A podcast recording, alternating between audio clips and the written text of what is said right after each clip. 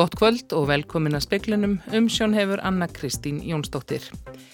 Reglum um ansvör hefur verið breytt á alþingi til að koma í veg fyrir málþóf á borfið það sem var í orkupakkanum. Fórseti alþingis skýrði frá breytingunum við setningu þingsins í dag. Umhverfis og orkumál eru sögð verða meðal heitustu deilumál á komandi þingi. Fjölmiðlar og her uppbygging á kepp í Keflavík gætu, gætu skekki stjórnarsamstarfið. Þjóðar öryggisráðgjafi bandarækjaforsta var leistur frá störfum í dag. Ósætti milli ráðgjafans og fórsetans í utanríkismálum er þölin ástæða brottræksturins. Ríkið borgar helming við uppbyggingu borgarlínu en næstu 15 ár ætla ríki og sveitarfjölög að verja minnstu kosti 100 miljardum króna í samgöngur á höfuborgarsvæðinu. Bæði stuðningsmenn og anstæðingar vegtólla fögnuðu gengi sínu í sveitarstjórnarkostningunum í Noregi, ríkistjórnarflokkarnir guldu afhróð í þeim í gær. Forseti alþingis tilkynnti við setningu þingsins í dag að reglum um ansför hefði verið breytt og breytingarnar koma í kjölfar lengstu umræðu sögunar umræðunar um þriðju orkupakkan í vor. Breytingarnar varða ansvör og krefist þess ekki að þingsköpum verði breytt því fórseti hefur samkvæmt þingsköpum sjálfstætt vald til að ákveða framkvæmt ansvara. Í fyrsta lægi verður þingmanni úr sama flokki og ræðumadur ekki heimilt að veita ansvar. Svo kallað samsvar verður því ekki heimilað. Á þessu verði gerð undantekning þegar sérstaklega stendur á, svo sem þegar fyrirlikja að þingmanninni séu að öndverðum meiði eða þegar afstafa þingmanna skiptist alls ekki eftir flokkslínum. Í öðru lægi verða ansvör ekki leið við endur teknar svo kallar fimmínótna ræður. Með þessum breytingum er verið að færa ansvörin í það horf sem til var stopnað í upphafi við afnám deildana 1991. Stengrimur sagði að enn frekari breytingar væri vinslu og kölluðu sumar á að þingsköpum verði breytt. Þá tilkynnti hann að starfs áhullum þingsins gerði ráð fyrir að þingi stæði lengra fram í júni en gert hafi ráð fyrir undanfærin ár. Hann skýrði jafnframt frá því að drögað nýjum síðareglum þingmana væri nú tilbúin. Ég nefndi við lok þinghalds í júni að í sumar yrði unnið að endur skoðum síðaregna alþingismanna í ljósi fengina reynslu. Draugin verði nú kynnt þingflokkum og send til umsagnar öryggis og samfunustofnanar Evrópu og síðanemdar. Sigriður Dögauðinsdóttir tók saman og þannig herðist líka í stengrimi á Sigfúsinni frá setningu alþingis í dag.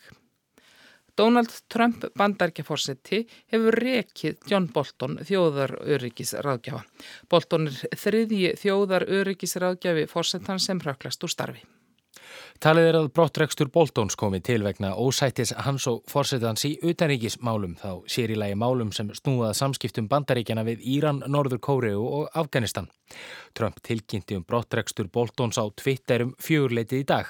Fórsetin saðist hafa tilkynnt Boltón að ekki veri lengur óskað eftir kröftum hans í kvítahúsinu. Það sem bæði hann og aðrir í ríkistjóðn hans væri ósamála Boltón í mörgum atriðum. Skömmu eftir tilkynningu fórsetans sagði Boltón á Twitter að hann hefði sjálfur bóðist til þess að segja af sér í gerkvöldi og því hefði fórsetin svarað með orðunum tölmum það á morgun.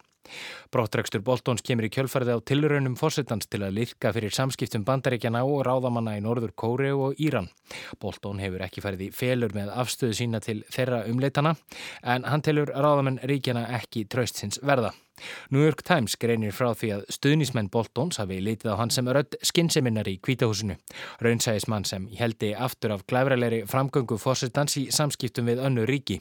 En það sé Trump reynslu lítill þegar kemur að samskiptum við ráðamenn ríkja sem séu óvilhallir bandaríkjunum.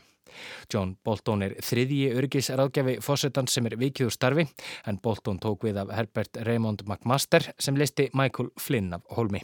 Búist er við því að Trump skipi nýjan þjóðarörgisráðgjafa í næstu viku. Guðmundur Björn Þorbjörnsson sagði frá. Ríki og sveitarfélög á höfuborgarsvæðinu ætla að verja mist kosti 100 miljardum króna í uppbygging og samgöngum innan borgarmarkana næstu 15 ár. Þar vegur borgarlínan þungt. Áætlinum þetta verður kynnt á bladamannafundi á morgun. Samkvæmt heimildum fréttastofu hafa öll sveitarfélög á höfuborgarsvæðinu sammælstum að taka borgarlínuna í nótkunn. Og á morgun á að kynna fjármögnunar aðgerðir. Ríkið hefur gefið út að það ætla að borgað minnstakosti helming við uppbyggingu borgarlínu sem og miðaðir við að heldarkostnaðu kervisins alls verðum 70 miljardar króna og framkvæmdir eiga hefjast á næstu árum. 13 konur verða skipaðar í framkvæmda stjórn Evrópusambandsinn sem tekur til starfa í byrju november. Aldrei hafa fleiri konur setið í stjórninni. Engin fulltrúi verður fara Breitlandi en breytar higgja útgöngu úr Evrópusambandinu í næsta mánuði. Úrsula von der Leyen var að formaður Kristilega demokrataflokksins og fyrir um varnarmálar á þeirra Þýskalands tekur við ennbætti fórseta frangatastjórnar Evrópusambandsins af Jean-Claude Juncker þann 1. november. Von der Leyen kynnti í dag lista með nöfnum 27 fulltrúa í frangatastjórn en hvert ríki Evrópusambandsins á einn fulltrúa eða frankantastjóra og fer hver fulltrúi með tiltekið málefnasvið. 13 konur eru á lista von der Leyen en þær hafa aldrei verið fleiri. Breska ríkisútarpið BBC greinir frá þessu. En á þó eftir að samþykja lista von der Leyen í Evrópuþinginu en engin fulltrúi frá Breitlandi er á listanum en það stefna breytar á útgöngu úr Evrópusambandinu þann 31. oktober næstkomandi. Degi áður en ný frangatastjórn teku til starfa. Meðal þeirra sem er á lista von der Leyen er Margarete Vestager fyrir formaður radikale venstre í Danmörku en hún hefur verið formaður samkettnis eftirlits frangatastjórnarinnar síðastliðin 5 ár. Hún verður nú varafórseti ráðsins. Guðmundur Björn Þorbjörnsson tók saman. Lauröglunni á höfuborgarsvæðinu bárust rúmulega 130 tilkynningar í fyrra um ál þar sem reynd var að svíkja fíafólki á netinu. Heildar upphæðin sem tapaðist var 130 miljónir króna en tölvuþrjótar svika á fjórða 100 miljónar króna út úr HS orgu en svo kom fram í fréttum í gær. Daði Gunnarsson, lauruglu fulltrú í netbrótadeild lauruglunar á höfuborgarsvæðinu segir að laurugla fái margar ábendingar á dag um allskynns netglæpi eða tilrönnir og nánar er fjallað um þetta á rúf.is. Húnaþing vestra ætlar ekki að endur nýja samstarfssamning sveitarfélaga á Norðurlandi vestra um málumni fatlaðara. Samningurinn gildir til áramóta.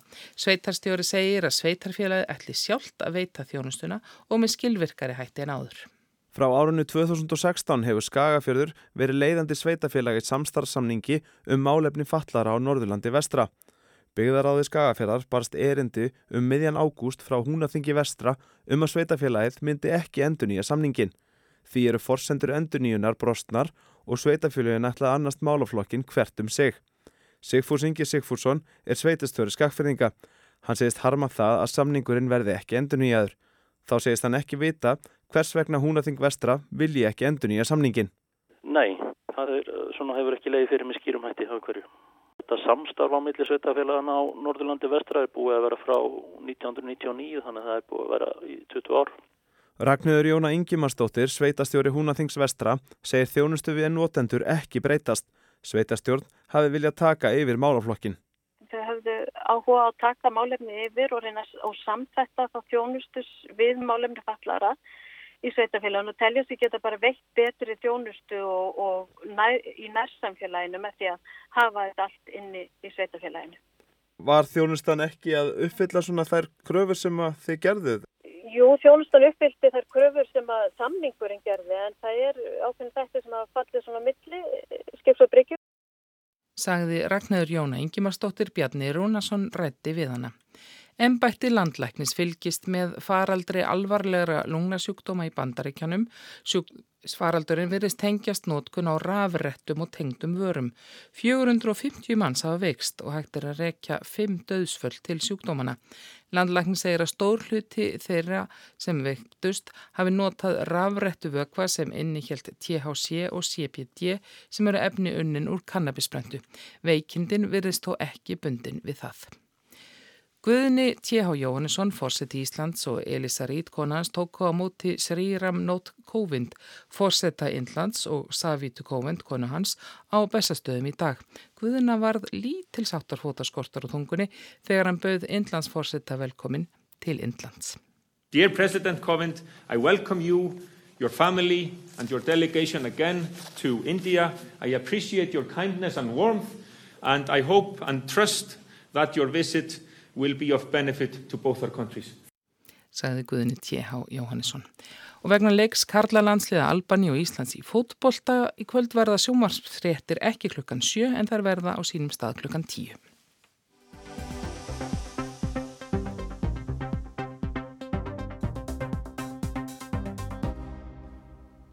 Búist er við að umhverfis og orkumál verði einna fyrirferðamest á alþingi vetur og að þau gætu litast af álitamálum um formensku í umhverfis og samgöngunemt. Málefni fjölmiðla og hernaðar uppbyggingi Keflavík eru líka talin geta þvælst fyrir stjórnanliðinu. Stígur Helgason hleraði kjörna fulltróðum þingið framundan, þingið sem fórseti setti í dag. Ágætu alþingismenn, ég býð ykkur velkomna til þings. Ósk ykkur velfarnaðar í vandasumum störfum. Megi stórhugur ríkja hér.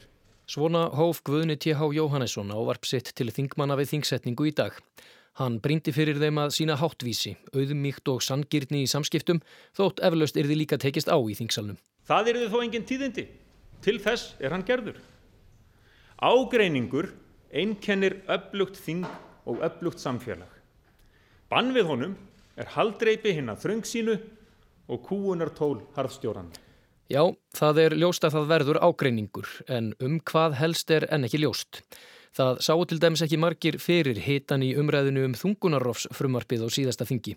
Hvað þá þriðja orkupakkan? En sumt er líklegra en annað.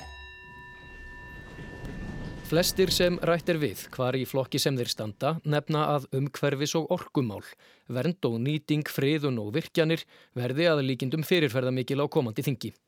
Eins og gildir um margt annað í ráðunetti Katrínar Jakobsdóttur er fyrir síð að átökin verði ekki síður innan stjórnarliðsins en milli stjórnar og stjórnarandstöðu. Það má segja að Jón Gunnarsson hafi þegar slegið þann tón með gagnrinni sinni á umhverfisar á þeirra vinstri grætna fyrir gethóta ákvarðanir við friðlýsingar og í morgunblæðinu fyrir helgi hótaðan stjórnarslitum ef ekki er því snúið af þeirri braut. Þótt Sára fáir trúið í reyndar að stjórnarslit út af þessum málum séu raunverulegur möguleiki.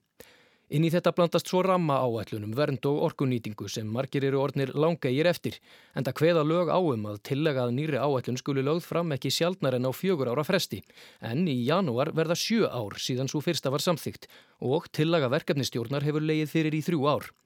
Ofan á þetta er fyrirhugaður miðhálendist þjóðgarður þegar orðin umtildur á sveitarstjórnastíginu. Samgöngumál verða einnig áberandi Í málaflokkin fara jú gríðarlegir fjármunir. Þótt að sé ekki endilega búist við jafn hörðum átökum um þau og ímislegt annað. Auðvitað verður tekist á um veggjöld og hvaða leiður skuli fara í gjaldtöku og ekki síður forgangsröðun á samgöngu áætlun og endur lífgaðri jarðganga áætlun en vonir stjórnarlega standa til að samningur ríkisins um þáttöku í borgarlínuverkefninu verði til að lempa þá á höfuðborgarsvæðinu sem sjá offsjónum yfir kostnaði við vegbætur og gangagröft á landsbyðinni. Það sem kann svo að flækja þessa tvo málaflokka, umhverfismálin og samgöngumálin, er formannstaðan í umhverfis og samgöngunum þingsins. Miðflokksmaðurinn Bergþór Ólason stýrði þeirri nefnd á grundvelli samkómulags stjórnarflokkana við stjórnarandstöðuna, en hætti þegar klausturmálið kom upp. Nú er fyrir séð að miðflokkurinn vilji nefndarformensku og nýjanleik. Það sé óviðunandi að stjórnarandstöðuflokkurinn með mesta þingstyrkin sé þar útundan. Og mörgum finnst eðlilegast að þeir taki við gömlu nefndinni sinni aftur Bergþór er helst nefndur þar. Og það getur skipt tölverðu máli hver stýrir þingnemt. Formaðurinn hefur mikið að segja um það hvaða mál eru tekin á dagskrá og hvernig þau eru unnin. Og það má jafnvel geta sér þess til að sumum stjórnarliðum geti hugnast betur að hafa þar miðflokksmann við stýrið en Jón Gunnarsson. Helbriðismál eru mörgum þingmönnum mjög höguleikin um þessar myndir og ekki síst miljardar ekstrarhalli landsbítalans. Eins og viðbúið er fer það nokkuð eftir afstöðumanna á hægri vinstri ásnum hvort menn telja að spítalinn hafi aðalega ekki fengið nægt fjö eða hvort fjöð hafi aðalega ekki verið nógu vel nýtt. En flestir búast við töluverðum umræðum um mál þessu tengt á komandi þingi og eins hvort þetta kallar á að enn sé skrúfað fyrir fjárveitingar til sjálfstætt starfandi sérfræðilekna eða hvort staðan síni einmitt að fjönu væri beturvarið þar. Kjaramál voru áberjandi á síðasta þingi þegar samningar á almenna vinnumarkaðnum voru lausir og þá var kallað eftir að stjórnvöld higgja á þann hnút. Enn er í gangi kjaraveðraður 2000 ofinbæra starfsmanna en viðmælendur fréttastofu veru ekki á því að þær er eftir að setja jafn sterkan svip á þetta þing þótt deilan sem slíkum kaup og kjör getur orðið hörð. Aðgerðirnar sem stjórnvöld kynntu í vor, til dæmis í skattamálum, taka auðvitað margar hverjar til alls vinnumarkaðarins og opinberi geirin hefur ekki, enn sem komið er, kallað eftir stórkostlegum viðbótar inngripum stjórnvalda. Stóra málið sem geti komið þar til skoðunar er því þá almenn stytting lögbundins vinnutíma. Og enn eru ótalinn mál sem geti orðið rúmfreg til dæmis uppkaup auðmanna á íslensku landi sem flestir ef ekki allir eru reyndar sammála um að þurfi að bregðast við en ekki endilega jafn samála um hvernig. Saminning sveitarfélaga er annað mál og svo kannski að selja ríkisbanka. Tvö mál er hægt að nefna sem gætu orðið stjórnarliðinu þungi í skauti. Annað er fjölmiðlafrömmarp Lilju Alfredsdóttur mentamálar á þeirra. Lilja komst stutt með það í vor, kynnti það á bladamannafundi, lagði það fram á þingi en gafst aldrei færi á að mæla fyrir því. Hluti ástæðunar er svo að sjálfstæðismenn eru alls ekki hrifnir af aðal atriði frumarpsins að veita fjölmiðlum ríkistyrki að hámarki 50 miljónur hverjum. Þessi hugmynd að ríkið veiti enga fyrirtækjum beina fjárstyrki fer þvert gegn sannfæringu sumra sjálfstæðismanna. Það sjónarmið hefur einnig heyrst og ekki bara úr sjálfstæðisfloknum að skilirðin fyrir því að fástyrk séu helst til víð. Lilja hefur bröðist við þessu með yfirlýsingum um að hún ætli líka að taka á fyrirferð ríkisútarpsins, meðal annars með því að taka það af auglýsingamarkaði. Þar mætur hún aftur andstöðu annars stjórnarflokks, vinstri grætna, sem mega helst ekki heyra á það minnst að mikill sé hróplað við rúf nema þá eftir mjög vandlega yfirlegu. Og bæði úr sjálfstæðisflokki og vinstri grænum heyrist gagnrinni á að Lilja kynni þessar hugmyndir til leiks án samráðs við aðra í stjórnarliðinu. Hittmálið sem geti áframþvælst fyrir stjórnarflokkunum á þinginu er stórfæld uppbygging bandaríkjahers á Keflavíkuflugvelli sem er mörgum vinstri grænum þyrnir í augum. Uppbyggingin sem slík kemur ekki til kasta þingsins í formi þingmáls en vinstri græn hafa hins vegar bóðað frumvarp um breytingu á varnarmála lögum þess efnis að þingið verði að fjalla um uppbyggingu sem þessa. Og það er ekki líklegt til að læja öldurnar í þessu máli að Sigríður Andersen, fyrirverandi dómsmálar á þeirra sjálfstæðisflokksins og einn helsti stuðningsmaður Allandshafsbandalagsins á þingi, hafi verið gerðað formanni utanríkismála nefndar. Þar sem varaformaðurinn er Rósabjörg Brynjólfsdóttir úr vinstri grænum, eindregin anstæðingur NATO og uppbyggingar bandaríkjahers. Á morgun flytur Katrín Jakobsdóttir fórsættisrá þeirra stefnuræðu sína og í kjölfarið verða umræður um hana. Þar gætu línur skýrst en frekar. Á fymtudag mælir svo fjármálar á þeirra fyrir máli sem verður ekki síður umdilt en öll önnur sem hér hafa verið nefnt. Fjárlagafrumar binnast árs.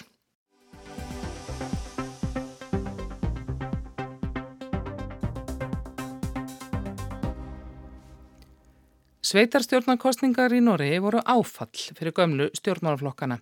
Græningjar í borgonum og miðflokksmenn á landsbyggðinni sópuðu til sín fylgi og bæði stuðningsmenn vegatotla og andstaðingartotlana fögnuðu á kostninganóttunni.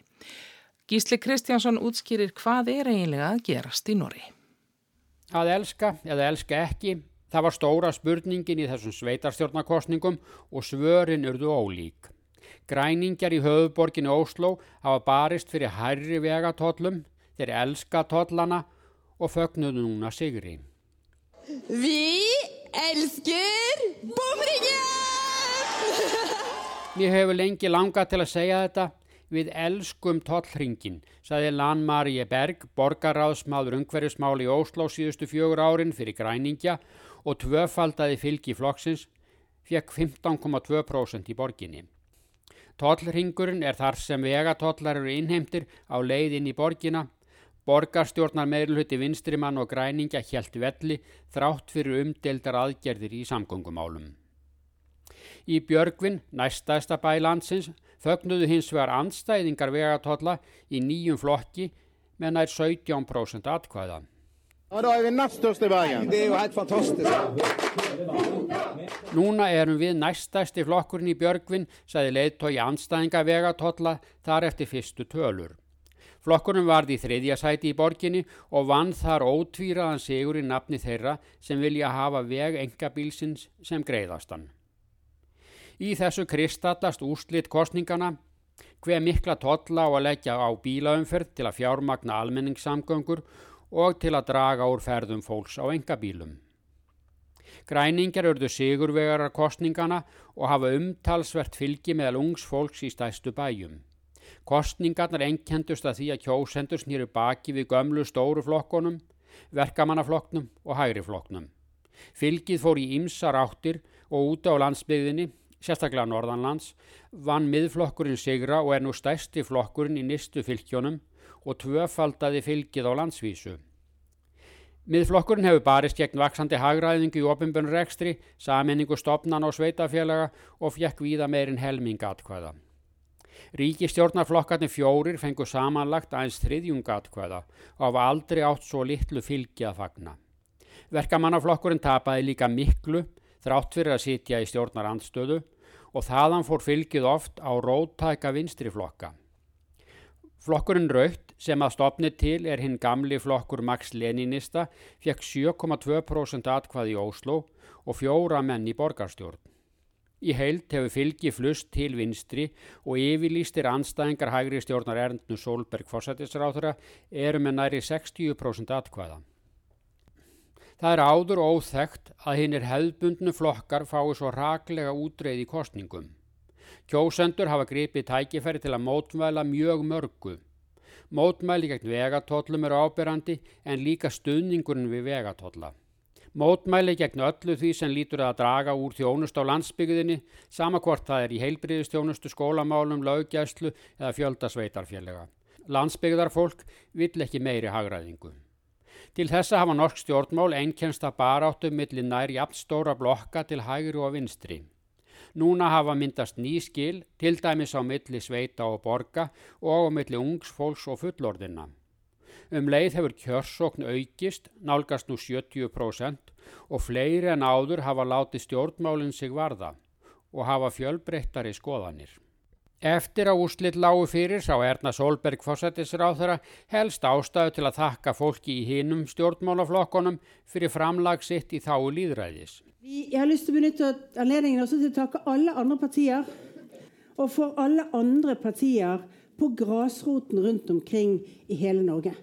De som har stått på og bidra til å gjøre dette til en store Forsættisráþara vildi þakka öllum í hinum flokkonum fyrir að hafa ekki látið deigan síga í þáu líðræðisins. Markmið Erdnu og hægri flokks hennar um að taka við stjórnin í fimm stæstu bæjónum þar sem helmingur íbúa konungsríkisins býr tókst ekki. Fyrst og fremst vegna þess hver fylgið sundrast mikið.